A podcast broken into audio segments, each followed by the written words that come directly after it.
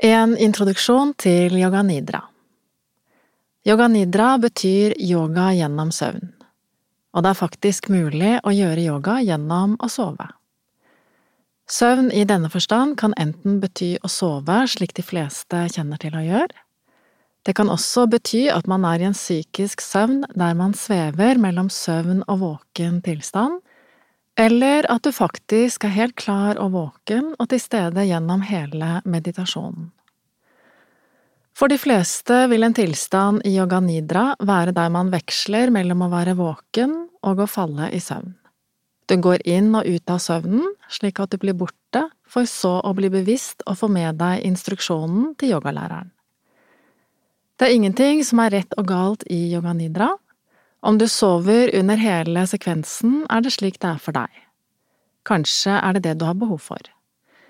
Du gjør det som er naturlig for deg, uten at du anstrenger deg eller tenker at du skal gjøre det på den ene eller den andre måten.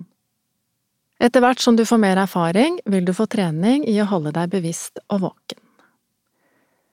I yoga nidra finner du elementer av selvhypnose.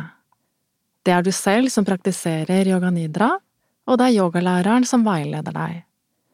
Du iakttar deg selv og observerer dine reaksjoner og tilstander underveis. Yoga nidra er en teknikk som er enormt kraftfull når det gjelder å sette seg mål og nå disse målene. Grunnen til at yoga nidra er så effektiv og kraftfull i det å sette seg mål og oppnå resultater, er fordi du under meditasjonen beslutter deg for noe.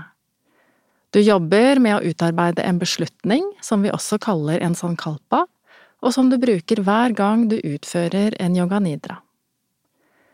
En beslutning er noe som er ditt, noe som du selv på ditt dypeste hjertenivå ønsker, velger og står for. Når du gjentar beslutningen din flere ganger gjennom en yoga nidra, vil den ha en virkning på sinnet ditt som programmerer underbevisstheten. Når du er i en avspent tilstand, vil ikke bevisstheten din så lett avvise noe som du kanskje vanligvis tenker er umulig. Du bestemmer deg for en beslutning som du kan ha litt over tid. Du bruker den samme beslutningen og den samme ordlyden hver gang. Hva kan så en beslutning være? Det er noe som er viktig for deg, noe du svært sterkt ønsker å lykkes med, oppnå eller gjennomføre. Det handler altså ikke bare om et overfladisk ønske. Det ligger dypt forankret i deg selv, et klart mål du setter deg og som du skal og vil nå.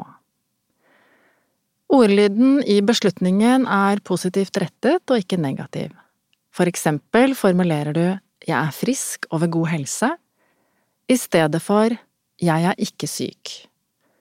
Her har du to ord som er negative, ikke og syk, Underbevisstheten vil da forholde seg til ikke og syk, som er negativt ladet, istedenfor frisk og god, som er positive ord. Videre er beslutningen fremoverrettet og ikke bakoverrettet. Det betyr at den retter seg fram mot noe som kommer til og vil skje, og ikke mot noe som har vært eller ikke skal være. For eksempel sier du jeg har en positiv innstilling til livet, og ikke jeg vil ikke være så negativ og deprimert som jeg har vært de siste fem årene. Du velger altså en klar og positiv rettet ordbruk som peker mot noe som vil skje en eller annen gang i fremtiden. Du kan også endre din beslutning, din sankalpa, underveis. Det kan du gjøre når den har gått til oppfyllelse eller du har endret ønsket ditt for hva du vil rette oppmerksomheten mot. Forsøk imidlertid å bestemme deg for noe du kan ha eller jobbe med over litt tid. Hold din beslutning for deg selv. Den er hemmelig. Grunnen til det er at om du forteller den til andre, må du forholde deg til andres reaksjoner på noe som er ditt. Og kanskje vil du da tvile på at dette er noe som du vil eller kan få til. Det vil i så fall kunne bremse energien bak intensjonen.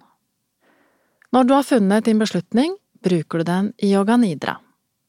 Du kan også ta den frem ellers i hverdagen, og tenke på den og ha den fremme i bevisstheten.